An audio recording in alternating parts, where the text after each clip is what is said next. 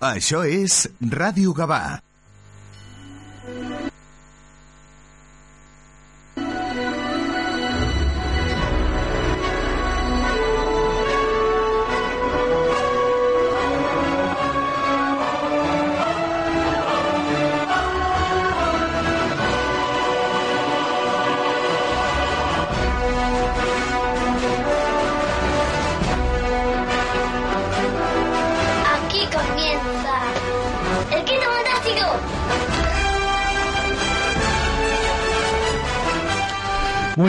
Y bienvenidos a una nueva edición del Quinto Fantástico, episodio 13 de la octava temporada. Me he saltado la hora, 8.45 de la mañana, aquí en Radio Gabá. Desde este momento y hasta las 10 de la mañana, toda la información del mundo del cómic y de lo que lo envuelve. Un saludo de quien les habla, Alberto Jiménez. ¿Queréis leer un cómic por la radio? Pues sintonizad vuestros auriculares, que este es vuestro programa. Bienvenidos a Radio Gabá.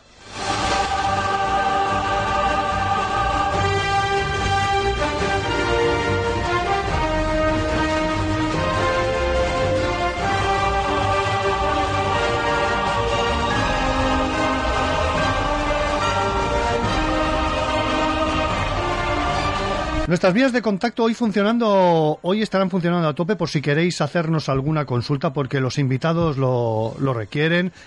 El cómic de, de de- que tendremos al principio. Si tenéis alguna duda nos podéis llamar y como no al invitado de la segunda de la segunda hora también. Eh, por eso os digo que seguimos estando en Twitter, en Facebook, en Instagram y, como no, nuestro número de teléfono, el 93-662-0080. 93-662-0080. Eh, como no, dar nuestra bienvenida, a nuestra particular reina, quien nos vigila, quien nos asesora en todo momento. Doña Maite, muy buenos días. Let's do it.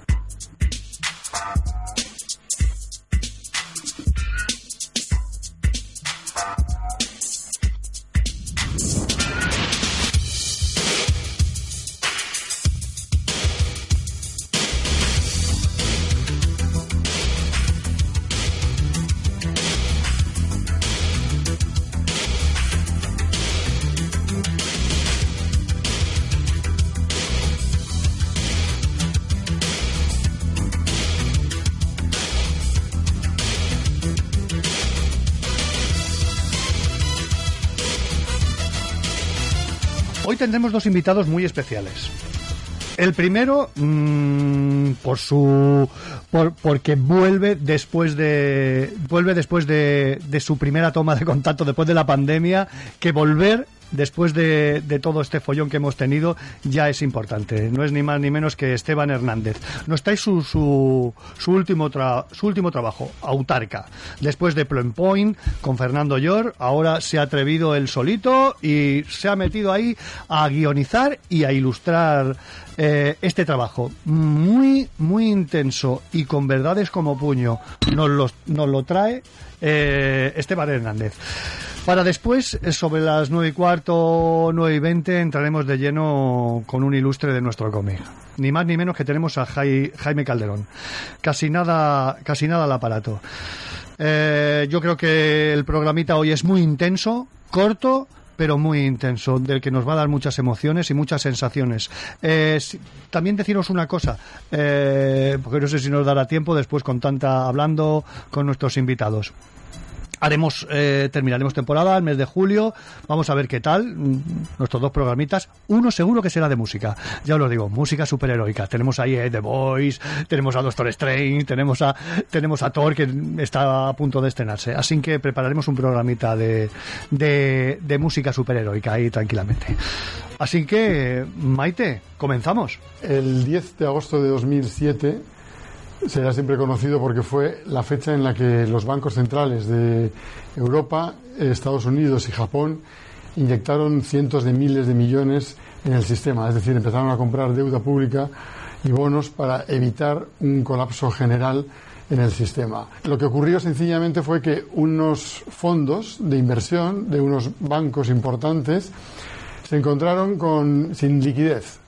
Nadie quería dejarles dinero entre los propios bancos porque todo el mundo tenía miedo de que sus activos fueran malos. Se basaban principalmente en productos subprimes, que eran unos productos que crearon unos matemáticos financieros en el que mezclaron un montón de productos diferentes, pero la mayoría de lo que predominaba eran créditos concedidos a personas de muy poca solvencia, bien porque eran trabajadores eh, temporales o porque no tenían patrimonio y tampoco se les pedía un alto patrimonio, sino se les aplicaba un alto tipo de interés, convencidos de que como la economía siempre iría bien, el, el precio de las casas también seguiría subiendo, siempre podrían devolverlo o al menos siempre te podrías quedar con la casa como garantía y así recuperar tu dinero. Los bancos y el Banco de España dicen que en principio España está a salvo porque no hay subprime en España.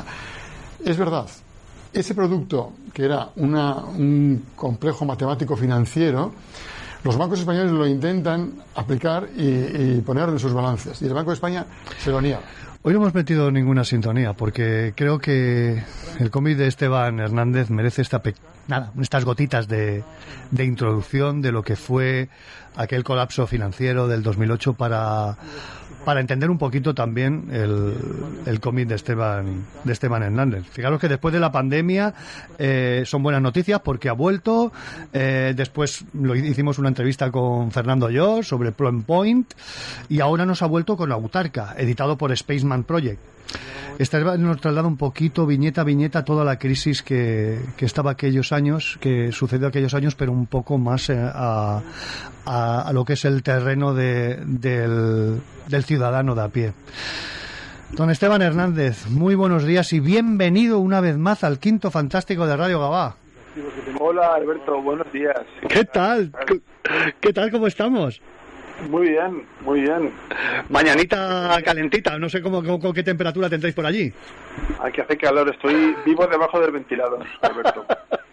me lo creo, me lo creo, me lo creo. Aquí, aquí está en la emisora, también tenemos, lo tengo, estamos encerrados en el estudio, pero, pero tenemos el ventilador a, a tope. Oye, pues muy bien. Oye, permíteme empezar eh, con, sobre todo con con, bueno, con el cómic, autarca, pero permíteme, permíteme leer tres, tres reseñas de, de tres que, que, vamos, que son importantes en el mundo del cómic. El primero, fíjate, eh, Díaz Canales. Esteban Hernández nos ofrece un brillante retrato de una época, la nuestra, la avería social, política, económica y moral. Una historia profundamente humana, porque no hay más humano que sacar la cabeza cuando te ahogas en tus propias dudas. Otro, Álvaro Pons. Autarca dispara un misil directamente a los fundamentos del sistema a través de las rendijas de sus incoherencias y absurdos, cargados de la sustancia más tóxica para lo establecido, la inteligencia. Raúl, guionista.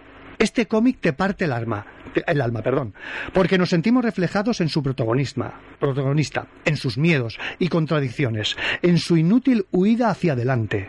Los silencios de Esteban Hernández tienen la misma relevancia que sus textos, tanta como esas aves y perros omnipresentes que simbolizan nuestra angustia de ciudadanos deglutidos por el sistema. Yo simplemente después de esto, ¿cómo te quedas tú, tío? agradecido, agradecido desbordado, me derramo. que tres personajes del mundo del cómic tan influentes como, como Álvaro Pon, como Díaz Canales, como Raúl el guionista, opinen de, de tu obra. Porque es tu primera obra, es tu primera obra que guionizas y que ilustras, ¿no?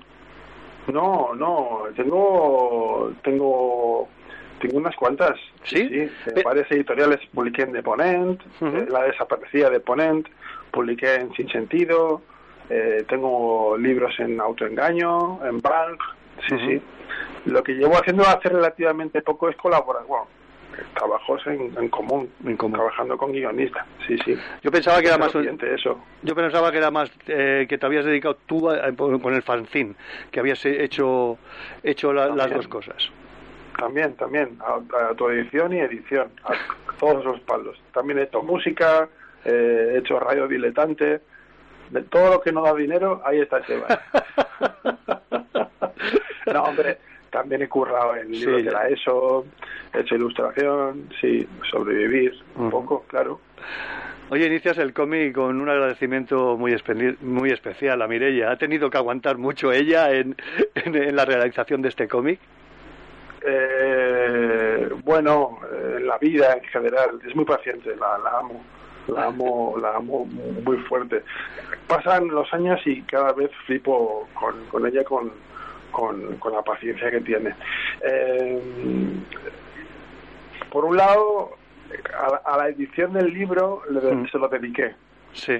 Y por otro lado, en la realización del TVO en sí mismo, la, utilicé su nombre eh, eh, en, homenaje, en un personaje que es decisivo en el TVO.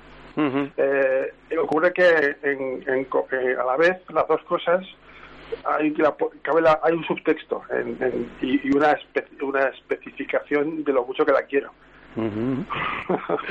qué bueno, qué bueno. Eso, eso, eso quieras que no te da mucho el, sentir, el amar, eh, te da muchas ideas a la hora de, hacer cualquier cosa en la vida. Mm, te da muchísimo. Sí, sí, es bueno. Oye, ¿cómo, te, ¿cómo sale, cómo se te ocurre esta historia? Dices, hostia, hemos pasado mal, quiero reflejar, lo hemos pasado mal, me refiero al ciudadano, eh, a la ciudadana. Eh, ¿Cómo te sale? Dices, hostia, voy a hacer una cosa así.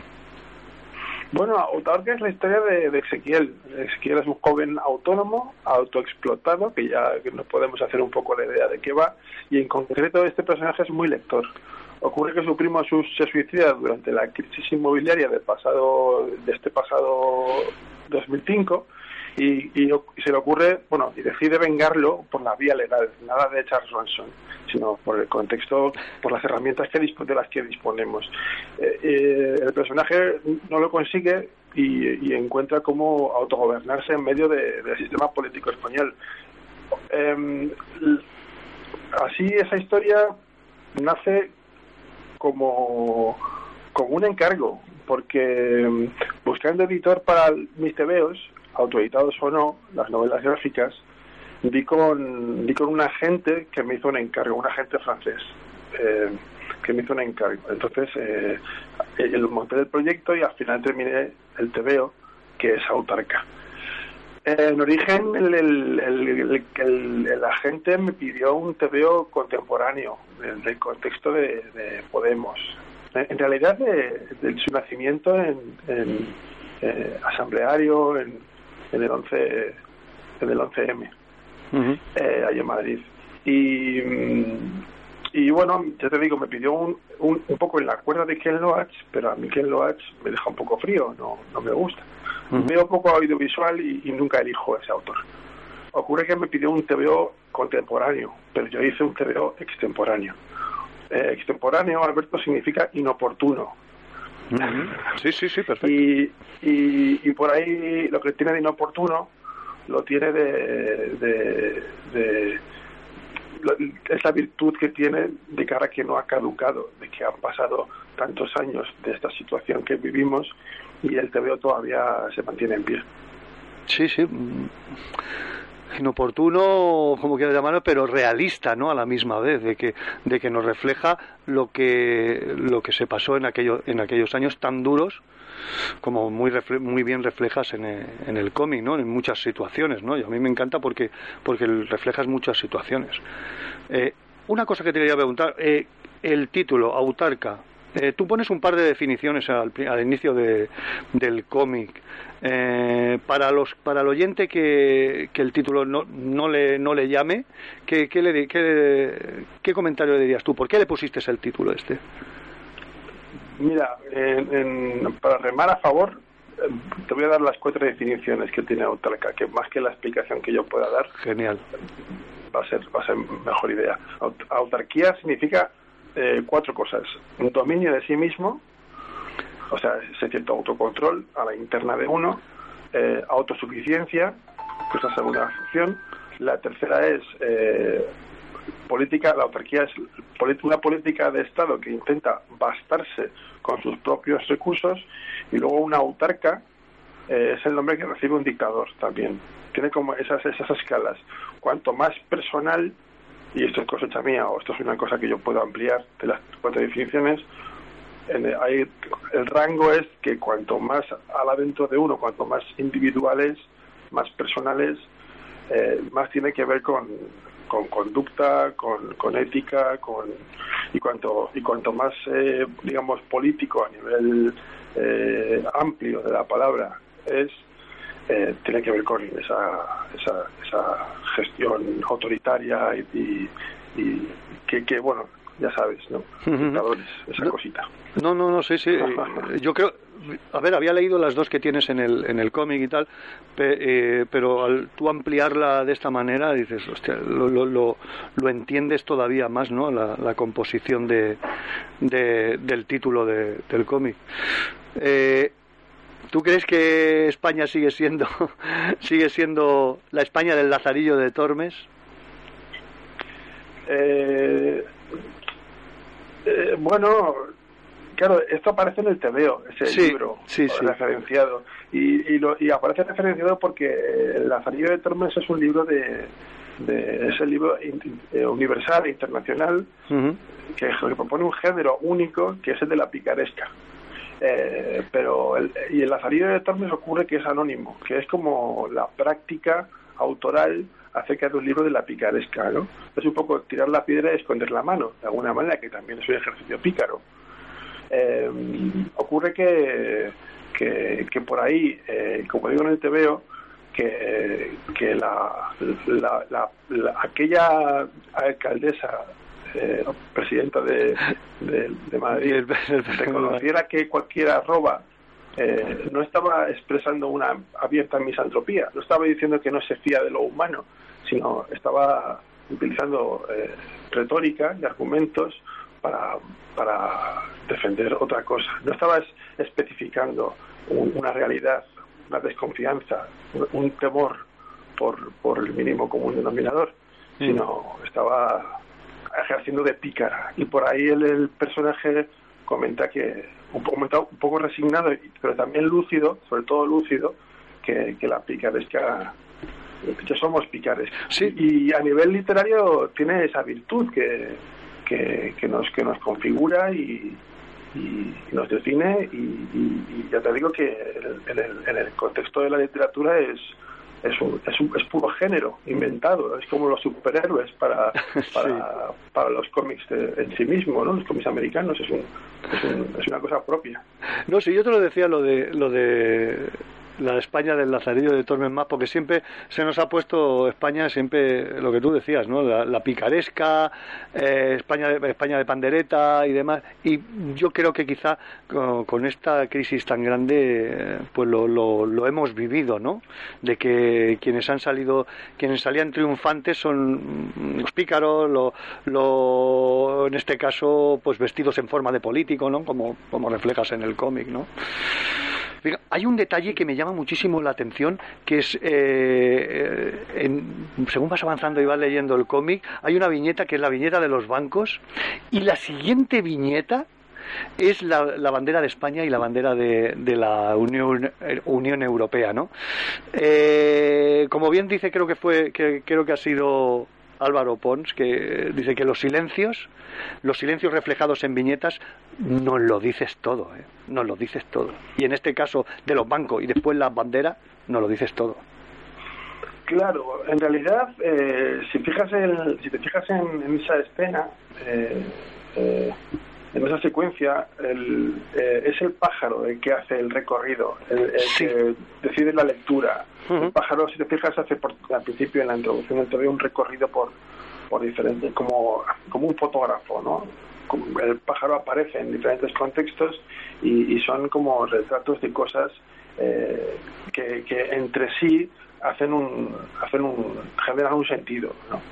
Eh, sí, eh, aparece, aparece esa indigencia eh, que, tiene que ver con el primo también del protagonista, que, acaba que, disfruta de la bonanza del crecimiento económico y, sufre la, la, explosión de la burbuja. Eh, aparece, aparece también eh, los bares que, son marca de la casa, de este país también, em, con su fauna. Sí. sí, los bares, los bares de España, son muy, muy carismáticos. Ahí nos dicen, nos dicen todo de cada, de, de cada pueblo, de cada barriada, nos lo dicen todo, vaya. Sí, de hecho, como, como no solo aparece la bandera de España, aparece la de la Comunidad Europea y la de y la de la Comunidad Valenciana, porque yo resido en Valencia desde hace muchos años y tenía que aparecer, claro. Sí, hombre, claro, eh, vamos.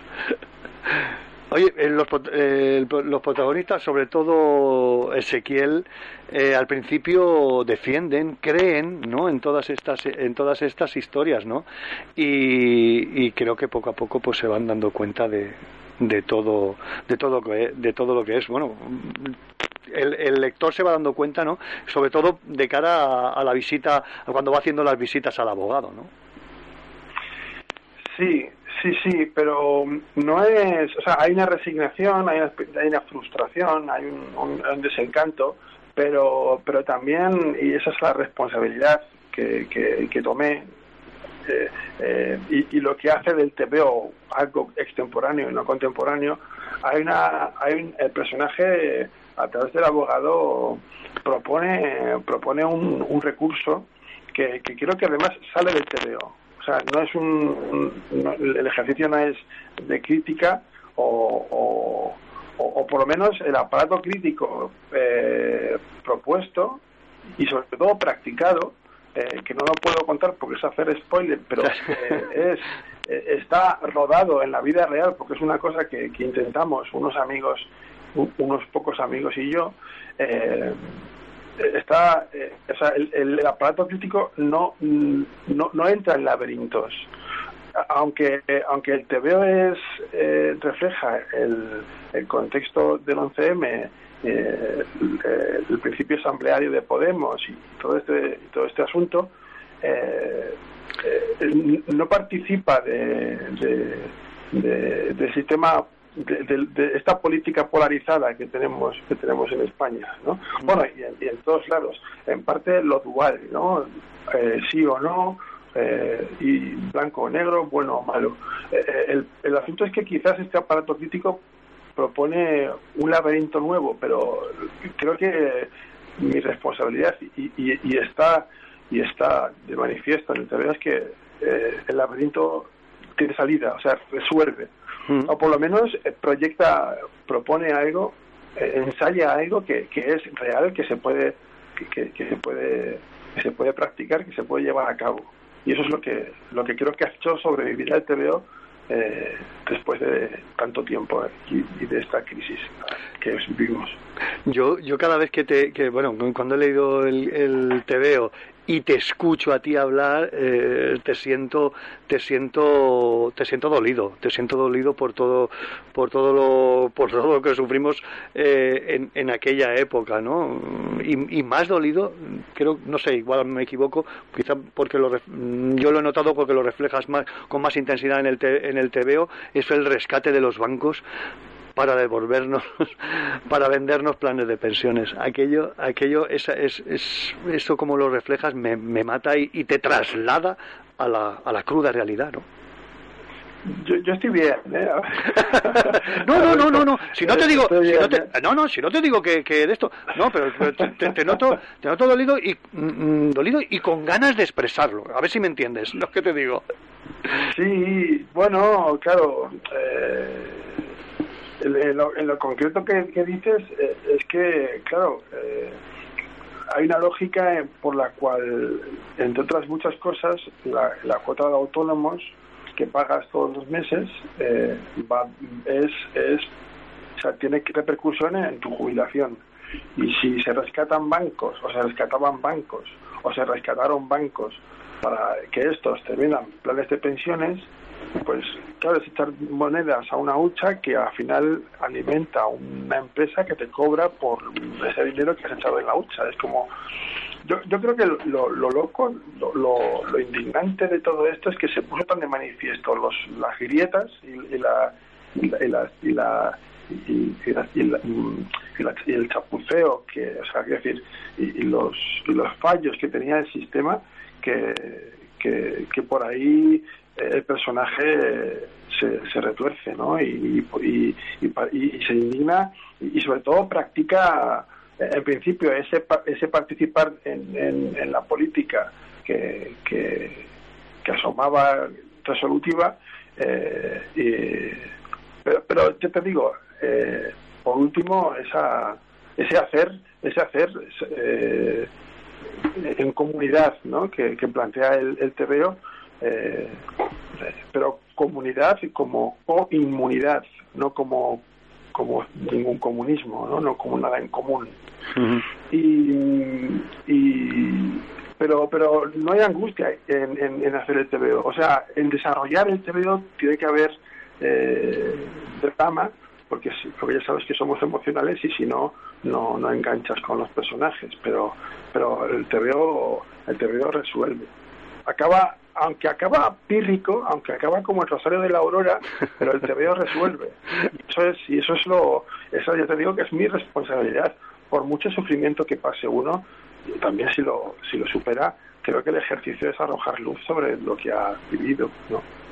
Sí, sí, no. Eh, es que, a ver, no, no, es, es, eso lo que, lo que te quiero intentar transmitir, ¿no? Y con tus frases, ¿no? Pues la, la, lo, reflejas perfectamente, ¿no? Y ahora hay otra que, que, que, la tengo aquí delante, la visita del abogado, ¿no? Que Ezequiel le está diciendo y tal, y ya el abogado tira, ya se cansa o le dice, oye tío, si quieres cambiar algo, métete en política, ¿no? Frases como esta, sin hacer spoiler. Es que, mm, eh, entiéndeme, quiero dejar algunas gotitas ahí al, oyente, al lector, al próximo lector de tu cómic, ¿no? Para que diga, hostia, que, quiero engancharme por, estas frases, ¿no? Por cositas como esta, ¿no? Como, si quieres cambiar, mm. métete en política. Mm. Te lo agradezco. Te lo agradezco. Oye, otra cosa que también ahí los sindicatos también lo, lo tocas, ¿no? ¿Se ¿Crees que se ha perdido aquella esencia sindical? Eh, Claro, utilicé los elementos de contemporáneos, de, contexto, pero pero no no o sea no los desarrollo, los, los uso como, como pared eh, eh, para rebotar eh, hasta llegar al fin del, hasta llegar al mensaje y, al recurso que quiero dar para para a esa luz ¿no? que hablaba antes, a, ese, a, la posibilidad de solución. ¿no? Eh, del mismo modo que, que, el TVO eh, propone laberinto, un laberinto, siendo injusto con él, pero proponiendo, propone una posibilidad de, de, de, gestión, de autogestión, eh, de, autoedición, si fueran fanzines, eh, eh, no, participa de los laberintos propuestos. O sea, la galería de, de, polémicas que hay eh, expuestas ya, ya, sobre, sobre delante de nosotros, eso, eso lo, lo, lo usa, lo usa como, como contexto, eh, porque el terreno fue un encargo, pero pero no, no intenta no intenta ni discutirlo ni posicionarse vale no entra en laberintos creo que, que, ese es el ejercicio del TVO, aunque, aunque hay una cosa verdadera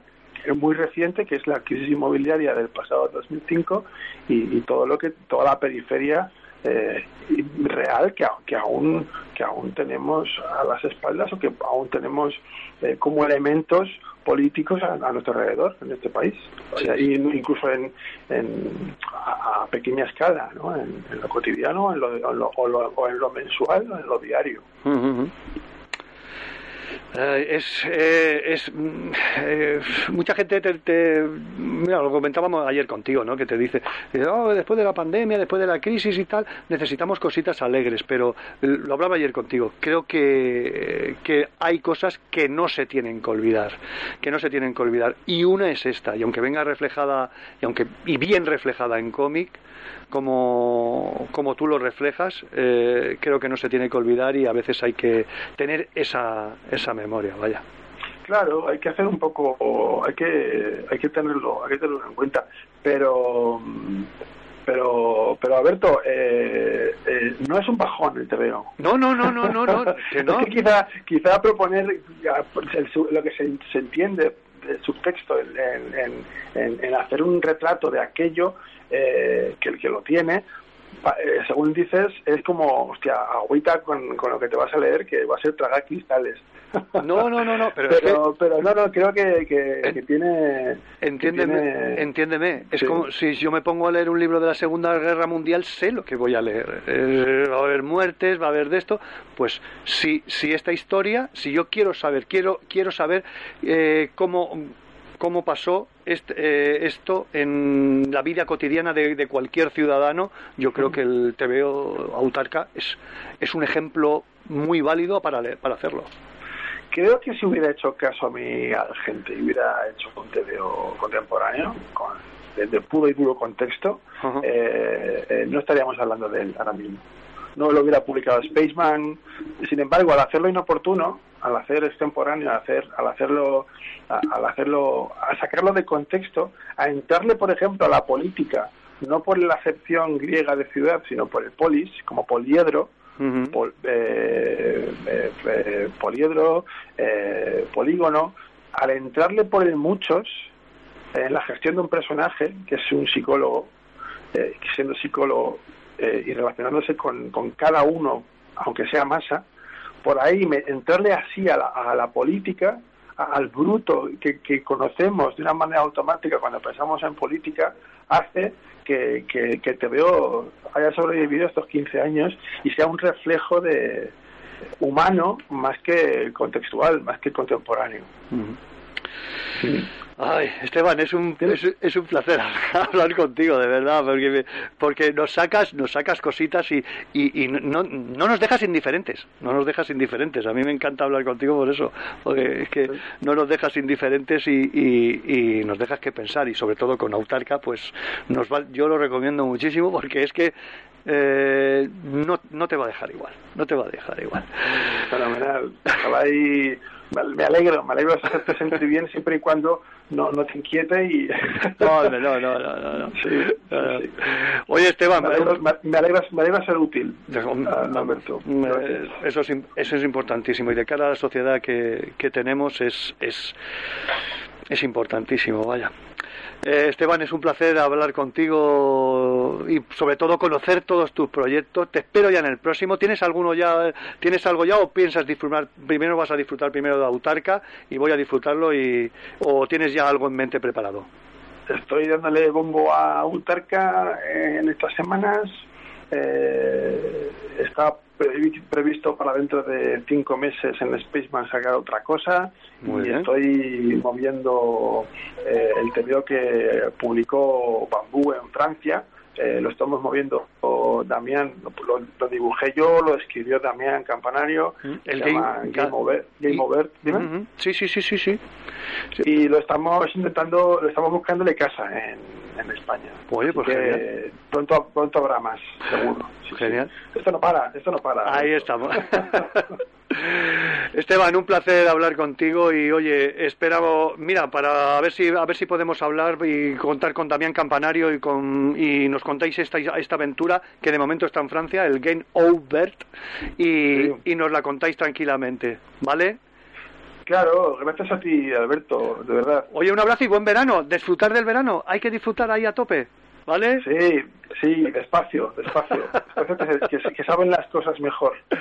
Perfecto. Esteban, un abrazo fortísimo. Un abrazo, Alberto. Adiós. Deu, deu.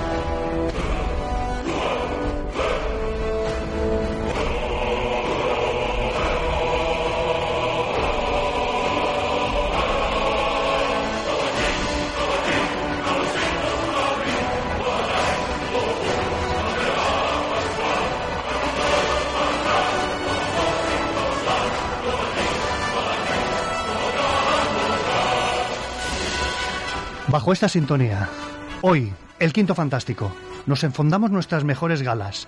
Tengo aquí, a mi lado, a mi amigo, a mi compañero, Raúl Grabau. Muy buenos días. Hola, buenos días, Alberto, ¿qué tal? Qué mejor compañía que él para hacer la entrevista de uno de los grandes de nuestro cómic.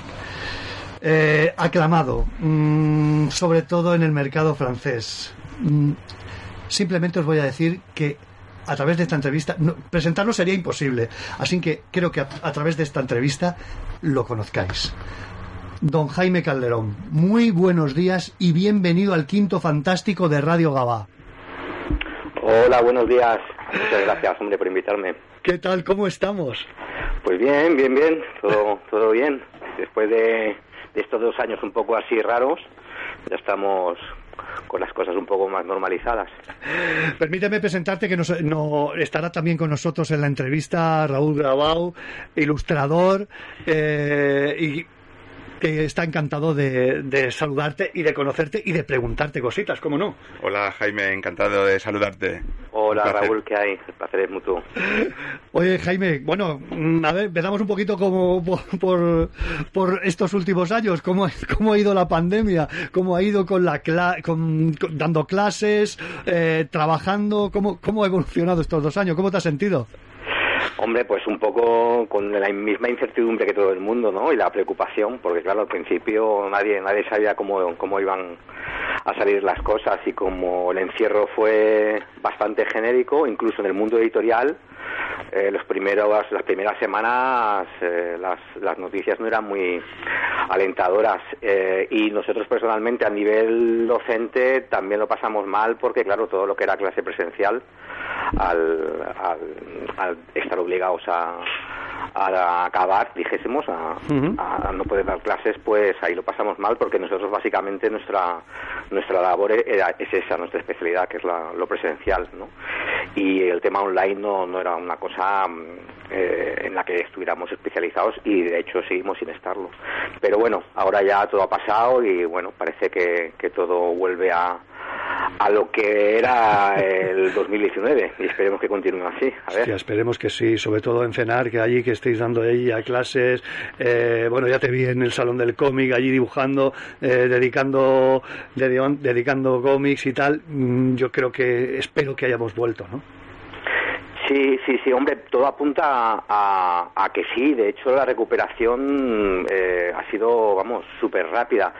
Eh, de hecho, vengo vengo justo de Bruselas y, y, este sábado he estado dando clases en, en, la escuela y le comentaba a los alumnos que, bueno, que me sorprendió porque es que allí es como si no hubiera habido pandemia. O sea, las mascarillas han desaparecido por completo de, de todos sitios, eh, del transporte público, de los aviones, todo. Y bueno, parece que se está sobrellevando. Vamos a ver, esperemos que dure, claro. Muy bien. Oye, haciendo un poquito de, de, tus inicios, ¿cómo, eh, aquel, aquel niño, aquel niño Jaime, eh, ¿cuáles fueron sus primeras lecturas? ¿Cuáles fueron sus primeras influencias de, de, de comiqueras, vaya?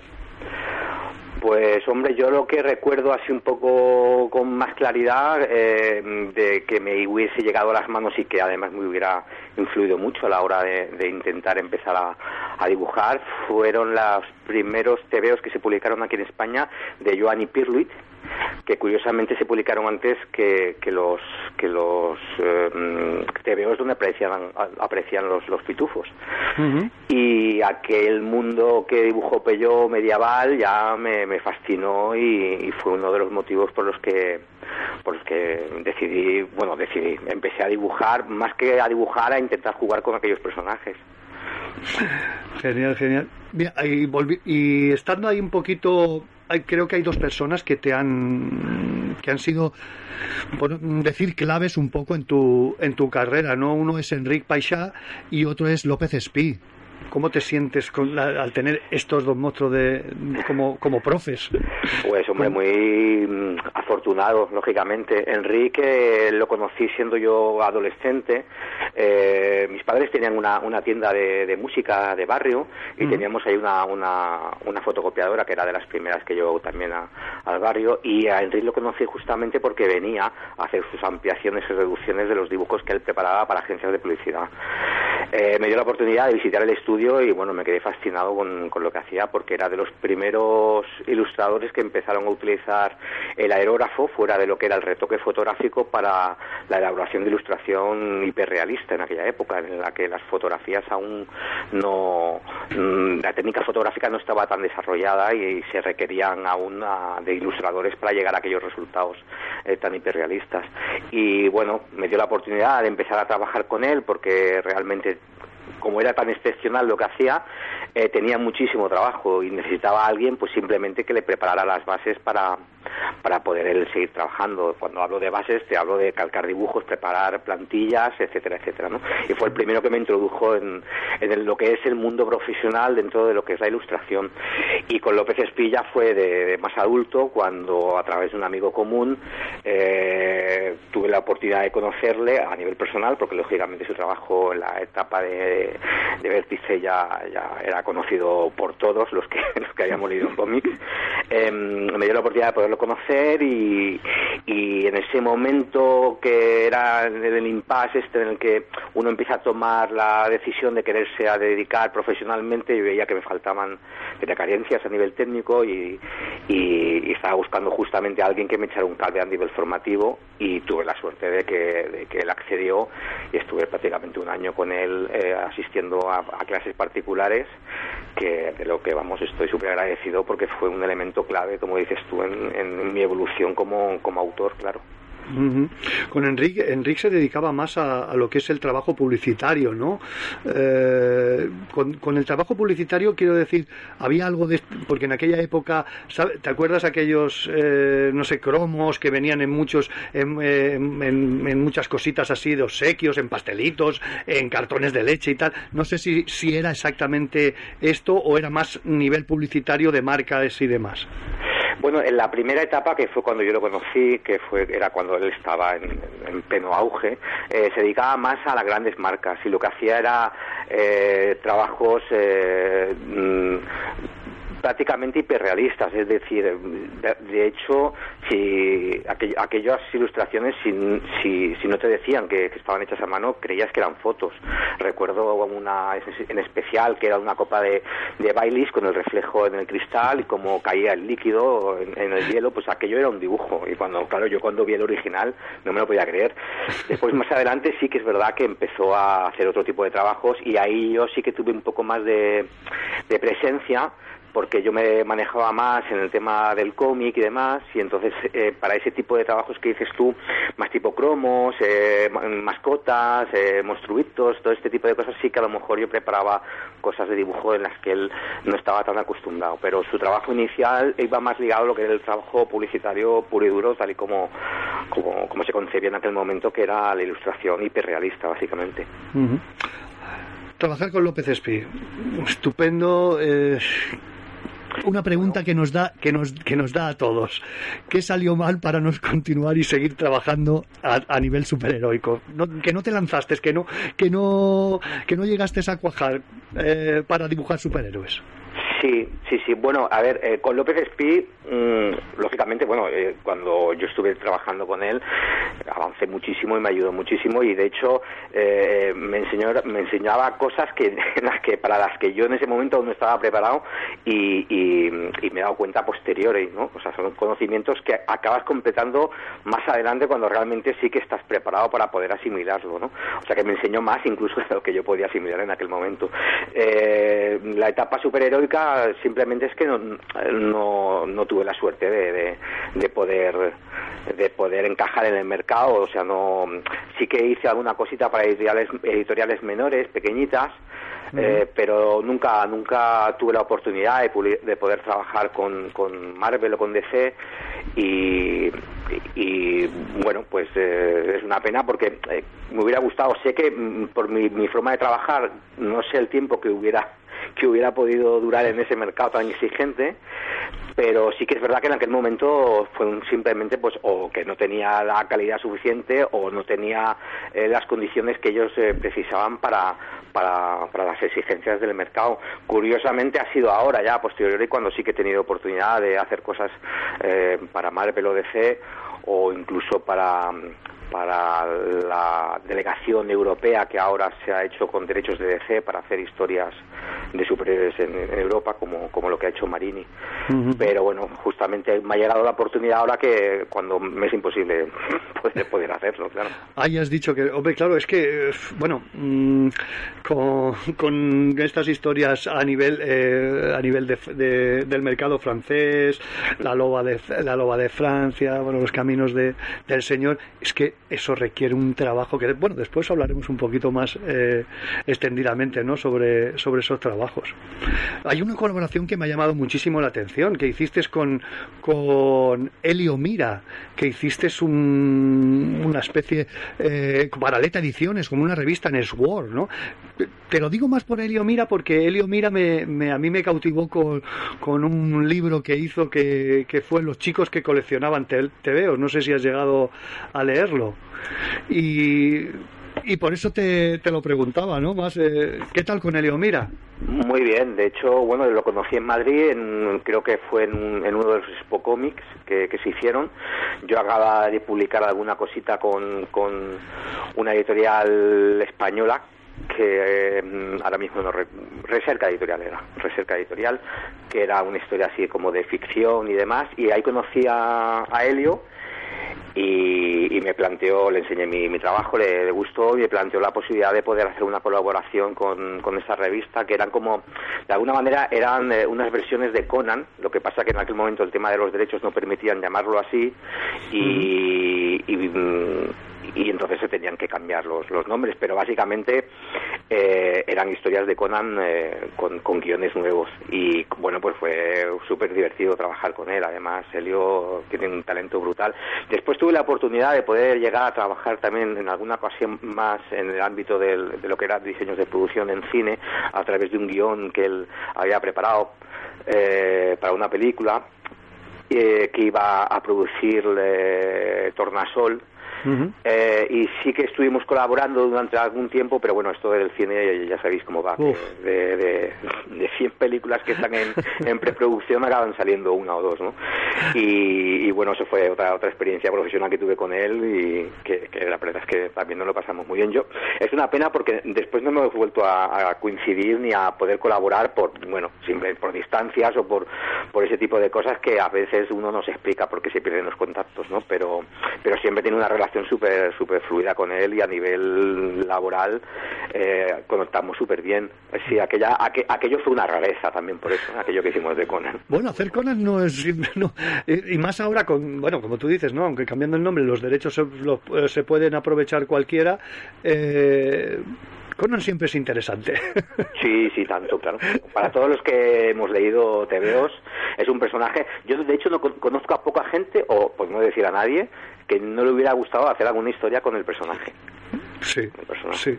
Ya te digo, y más ahora que creo, no sé cómo está el tema de derechos aquí ahora en España, pero creo que puede ser, eh, al pasar X tiempo, creo que tú puedes coger, puedes coger la historia y puedes y puedes ah, puedes aprovecharte de eso. Los, los derechos ya no, Sí. no nadie te va a reclamar derechos, creo. ¿eh? No, no, no, ahora, ahora te hablo de memoria, vaya. Me parece que sí, me parece que, que es como dices. De hecho, me parece que ahora en Francia, bueno, me parece, no, seguro que en Francia están trabajando con ellos eh, Glenat.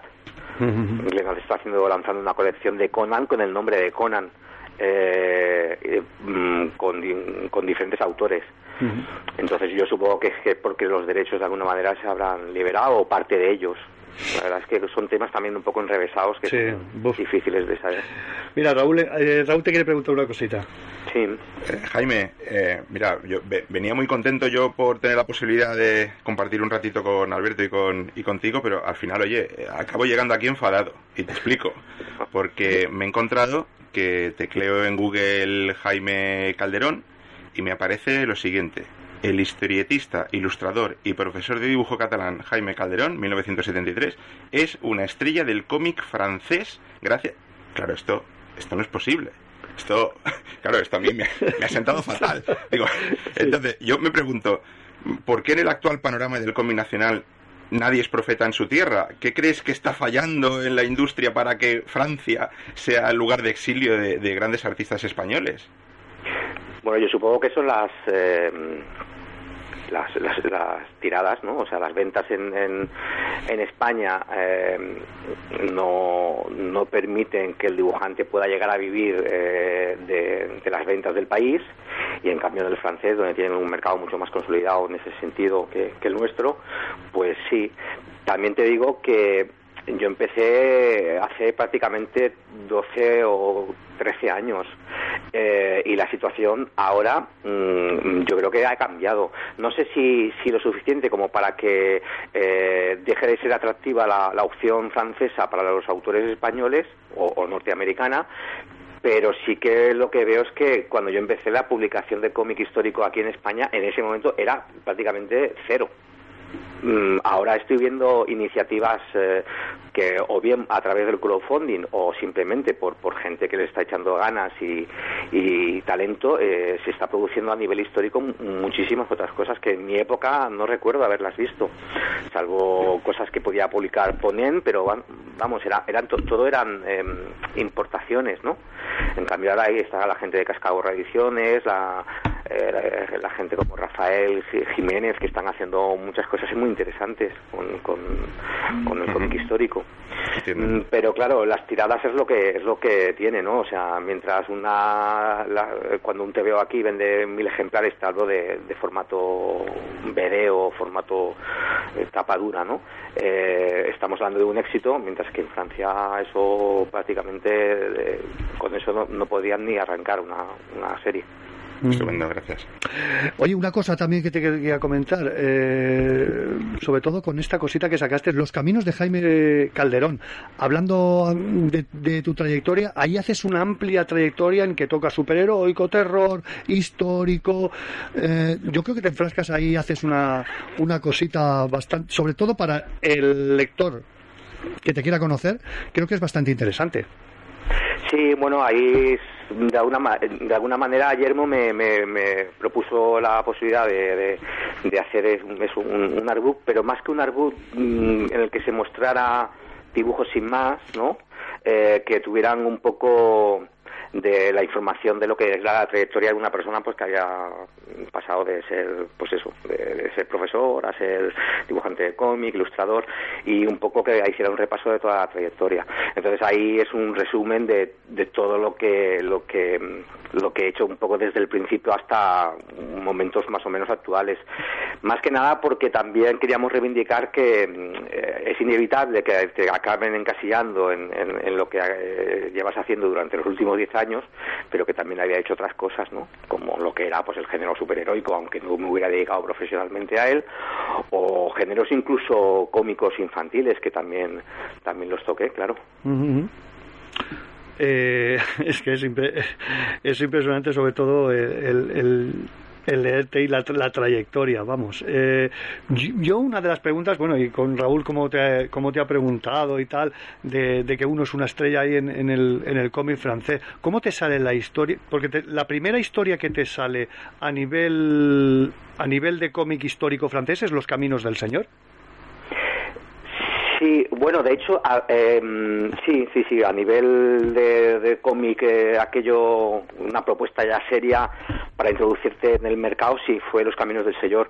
Previamente había hecho una historia corta del feed de dos páginas con un amigo mmm, que se llamaba Oscar eh, Camarero, que era guionista, bueno, es guionista, y hicimos una colaboración cortita para una revista en la que se iban a publicar diferentes historias de, de diferentes autores y temáticas variadas y esas dos páginas fueron las que las que llamaron la atención al editor eh, francés para eh, para, para proponerme la, la colección.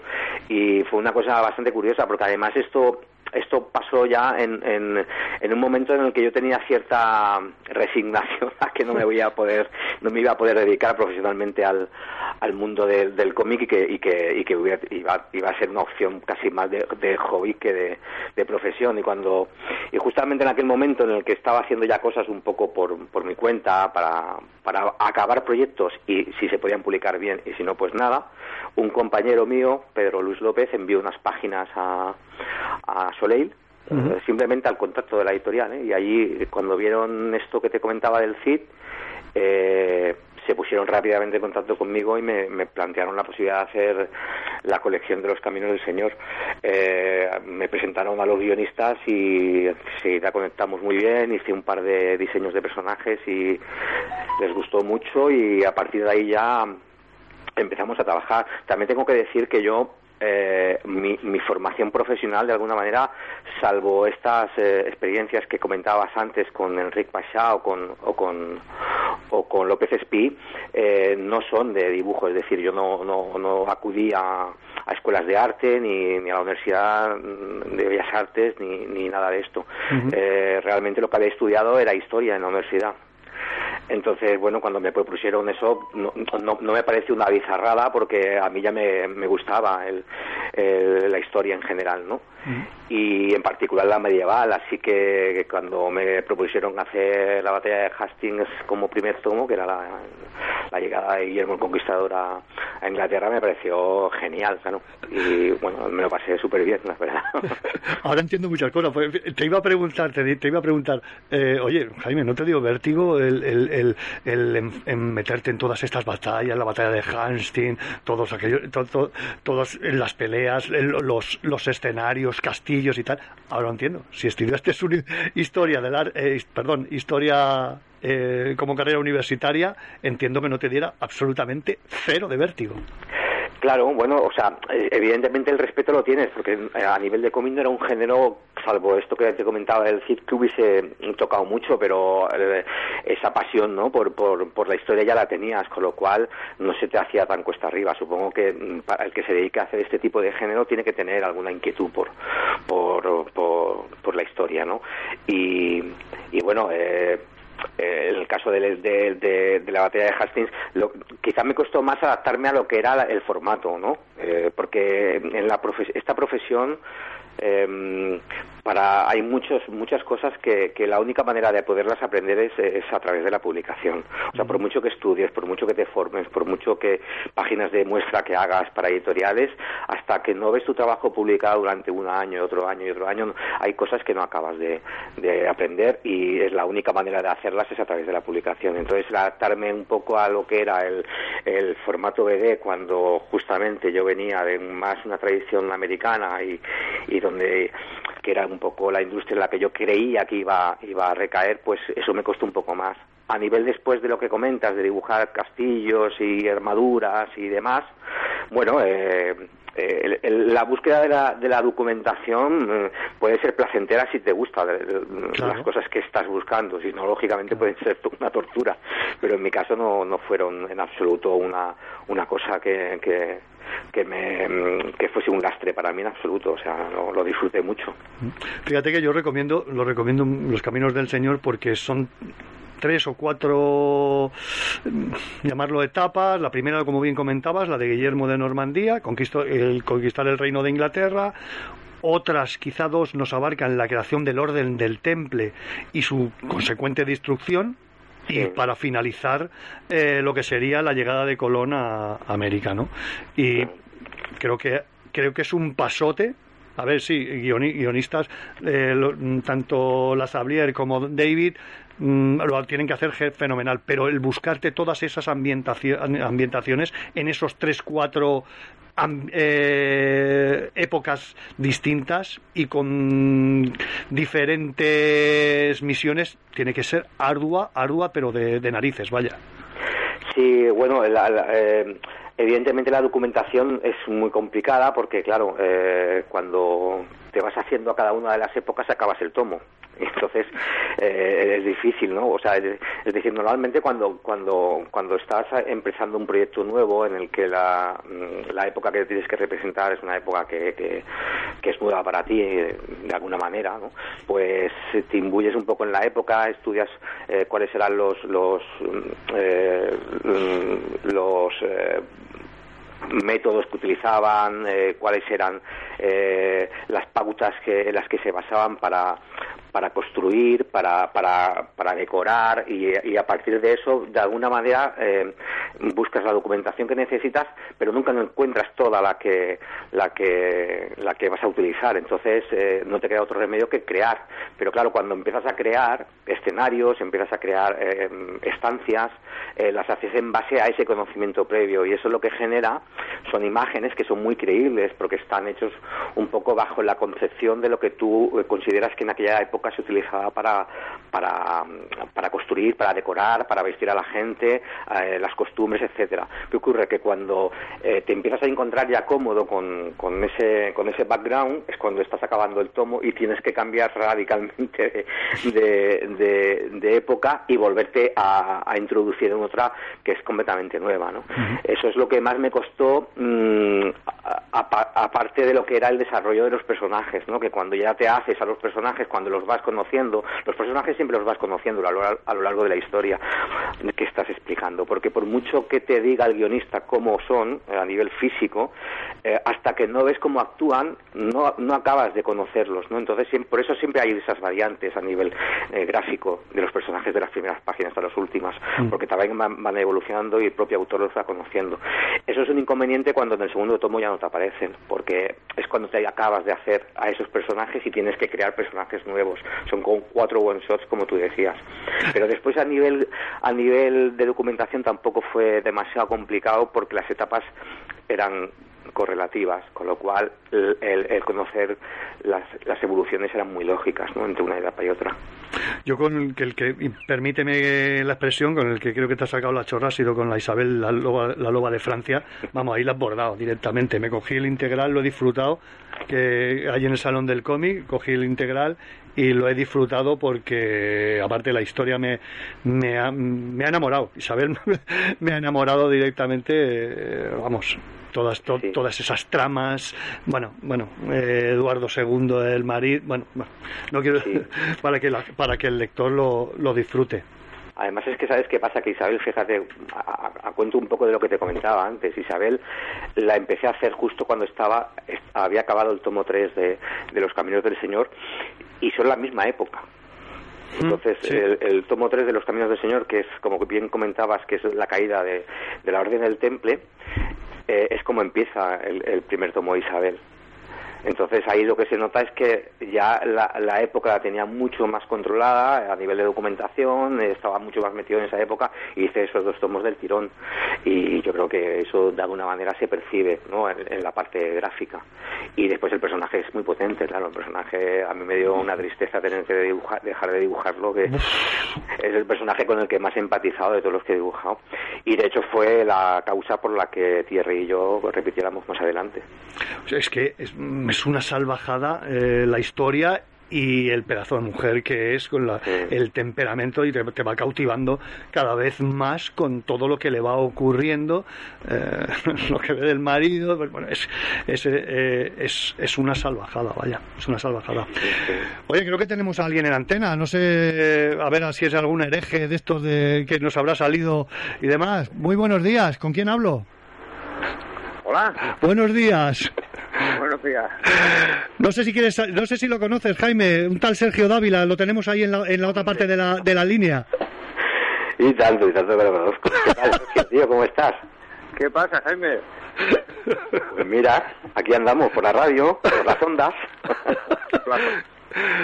¿No? Eh, no podía, no podía, no podía pasar, perdóname Jaime, pero es que no podía pasar el, el, el, no tener a Sergio en antena, porque lo he tenido dos o tres veces aquí en el programa, he disfrutado con él y, y siempre, siempre acabamos hablando de ti, siempre acabamos hablando de Jaime Calderón, Jaime Calderón, es que te tiene, te tiene en el altar de, de los altares. Bueno, es un, es un buen colega. Los amigos para eso están, para hablar bien del otro. Sí, sí. Bueno, ya que lo conozco hace ya años, con, bueno, desde, desde cuando empezó, vamos, cuando empezó a publicar.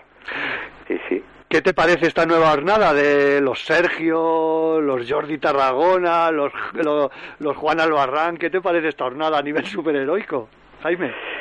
Hombre, muy potente, muy potente, como te comentaba, muy potente. O sea, hay una generación ahí que, que está dando mucha caña. Yo me alegro mucho porque además mm, eh, todo lo que están haciendo es merecido. Eh, los Bruno Redondo, los Sergio Dávila, los, los que dices tú, Juana, eh, Jordi, o sea, son gente que además se lo ha ganado por trabajo y talento. Entonces, eh, al final era inevitable ¿no? que, que llegaran. A pesar de eso también, bueno, ya él te habrá explicado que para, para llegar a donde están, no, no, no es solamente necesario el talento, sino otras muchas capacidades y, y esta gente lógicamente las tiene. Así que bueno, súper contento, cada vez más, cada vez somos más ahí. Lo hemos, Sergio, lo hemos hablado muchas veces en privado o, o- y, en, y en antena lo que ha significado Jaime Calderón para ti, pero, pero es que no me canso de escucharlo. Lo, ¿Cómo lo tienes tú? Bueno, eh, es que yo, yo siempre digo lo mismo. Yo, yo estoy aquí gracias a Jaime. Sí. Porque yo me apunté a su academia.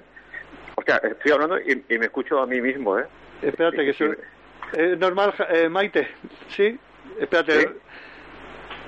¿Sí ahora? A ver si... No podemos... Bueno, es igual. Bueno, intentar- Vale, intentaré a ver si... si... Yo no digo Vale. nada. Ah, dil- dilo tú, Sergio, dilo. Bueno, bueno, no, que, que es que cuando yo, yo me apunté y a la academia de Jaime y gracias a él, a, a, toda la caña que me pegó y me despertó toda ese mundillo, esta curiosidad y bueno, y su, su enseñanza y todo, pues, pues pude, pude como si fuera aprender más, dar un, pusito- un, paso más pero sobre todo es, es lo que dice Jaime, que ya no es a lo mejor porque tengas un poco de talento o no tengas, es las ganas. Si no tienes ganas o no o no hincas el codo ahí, no no llegas, ¿eh? por mucho talento que tengas. ¿eh? Y yo, yo y- ya digo, gracias a Jaime que, que me pegó caña, incluso cuando le enseño página ahora, eh, me suelta me suelta me suelta la suya pero pero pero eso es bueno porque el- que que haya la suficiente confianza para, para decir las cosas y todo y aparte el- siempre va bien te enseñar tu, trabajo a- al, al que te ha enseñado sabes y al que tiene como referente Sí, bueno, a ver, de todas formas la materia estaba. Te quiero decir que, que yo creo que, que, que, en, el caso de Sergio la escuela quizá ya no a nivel formativo. Yo creo que lo que lo que lo que le pudo ayudar es a- a tener la excusa, ¿no? Para dar el paso, que yo creo que era quizá era lo único que le faltaba. Eh, cuando empezamos todos necesitamos seguir aprendiendo, está claro. Pero yo creo que, que a él lo que le faltaba, no, lo único que, necesitaba era la motivación, ¿no?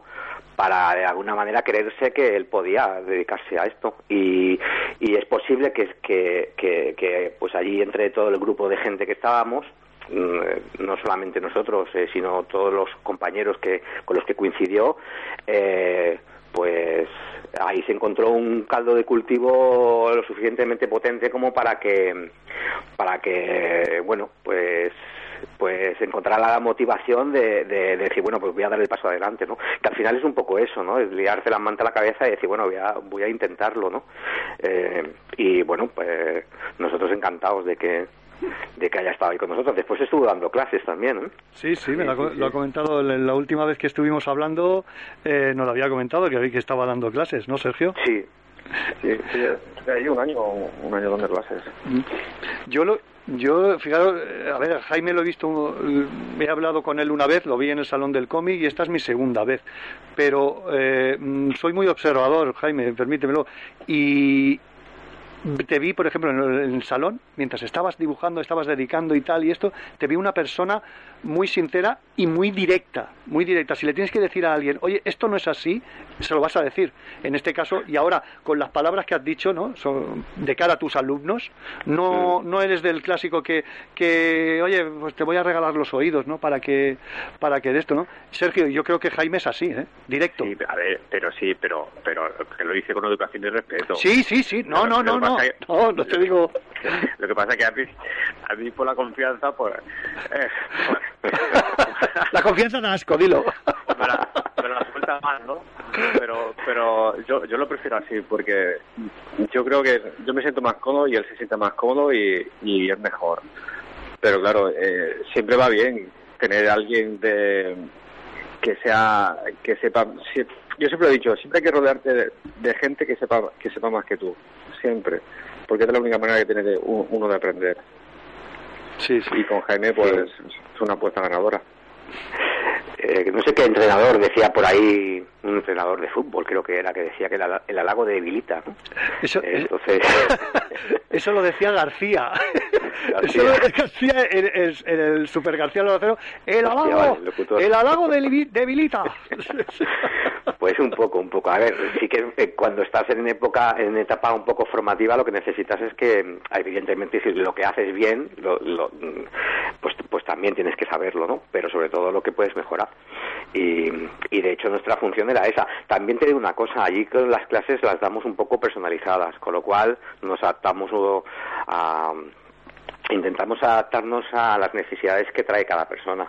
En el caso de Sergio era muy evidente, o sea, era un tío que curraba a tope. Entonces, eh, claro, eh, requería, pues eso, eh, requería mucha, eh, una atención muy muy concreta para que él fuera encontrando ahí su motivación, ¿no? Eh, para, para, para ir mejorando. Y, y ya ves, bueno, eh, la muestra está, ¿no? Eh, ah, ves el trabajo que haces y, y alucinas, ¿no? Sí, sí, bueno, eso Pero vamos, yo lo tenía muy claro, o sea, ya que, o sea, tú cuando conoces, claro, ya son muchos años también allí en la escuela y tú ya ves quién, quién sí y quién no. Y, y muchas veces eh, va más allá del talento, es, es son cosas que que se que, se transmiten por otro por, por otro por otras capacidades sensoriales que uno acaba acaba acaba teniendo pero sabes quién quién tiene muchas posibilidades de poder llegar y quién no. Y, y yo siempre hablo de capacidades y las capacidades van ma- mucho más allá que el talento.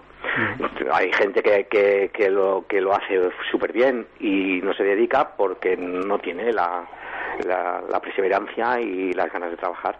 Y entonces ahí el talento no sirve de nada. En cambio Sergio cada día que venía traía un montón de trabajo hecho. Y eso lo tiene que hacer en casa lógicamente.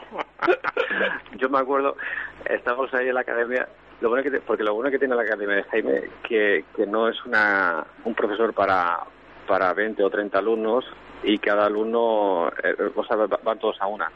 La escuela de Jaime es, es cada uno va a su ritmo y es el trato es más personalizado, es uno a uno. Y entonces cada uno tiene, tiene su nivel, tiene su ritmo, tiene su trabajo diferente a lo que está al lado. Y yo me acuerdo, cuando yo iba, yo siempre traía un montón de, de dibujos para que Jaime me corrigiera. Y claro, tenía que ir uno a uno enseñando cada uno a, a, a, que, lo, a que lo tocaba, ¿no? Y yo pensando, digo, digo, hostia, digo, venga, digo, ya verás cuando venga para acá, cuando venga para acá, que tengo aquí un montón de papeles aquí.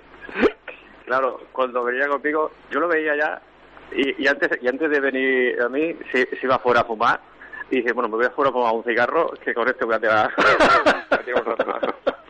Con esto voy a tener faena. bueno de hecho me ayudó a dejar de fumar eso y, y- y era muy bueno porque, eh, claro, te, te cogía el dibujo y te, te, te cogía un folio en blanco, te lo, te lo corregía y te, te- sobre encima, encima de tu dibujo, ¿no? Te ponía como si fuera una mesa de luz debajo con la luz y te calcaba fuera tu dibujo, pero corrigiéndotelo. Y te lo hacía de puta madre. Y parecía que tu dibujo antes era un, un, un- un trozo de barro, pues acababa siendo una pasada, ¿no? Y entonces yo me acuerdo en esa época, pues Jaime uh, utiliza los lápices azules, bueno, y ahora sigue utilizando, y, y yo digo, hostia, me voy a comprar estos lápices porque el truco está en, en estos lápices. y yo me compré una caja de lápices de eso y seguía dibujando igual, ¿eh? El truco no estaba ahí. bueno pero ahora, ahora lo sigues utilizando eh Sí, sí, sí, lo sigo, lo sigo. Se me ha quedado ya.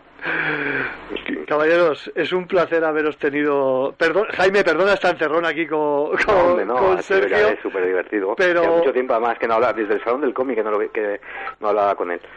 Sí, tío. Sí, es- pero no- a- el lunes lo estuve pensando, digo, digo, no me resisto, no me resisto a- a, a que entre en antena y sabiendo Sergio cómo es, yo creo que, que lo ibas a agradecer, vaya. Pues sí, sí, muy contento. Muy contento de haber con él. Y a ver si nos vemos, que nos tenemos que ver, claro. Sí, sí, sí. Estaremos Tenemos pendientes pendiente de una una barbacoa aquí en casa. Sí, tío. Ahí estamos, ahí estamos, perfecto. Eso, eso, eso es bueno que se mantenga, que mantengáis esa, esa relación. Caballeros, es un placer haberos tenido aquí en el Quinto Fantástico. Sergio,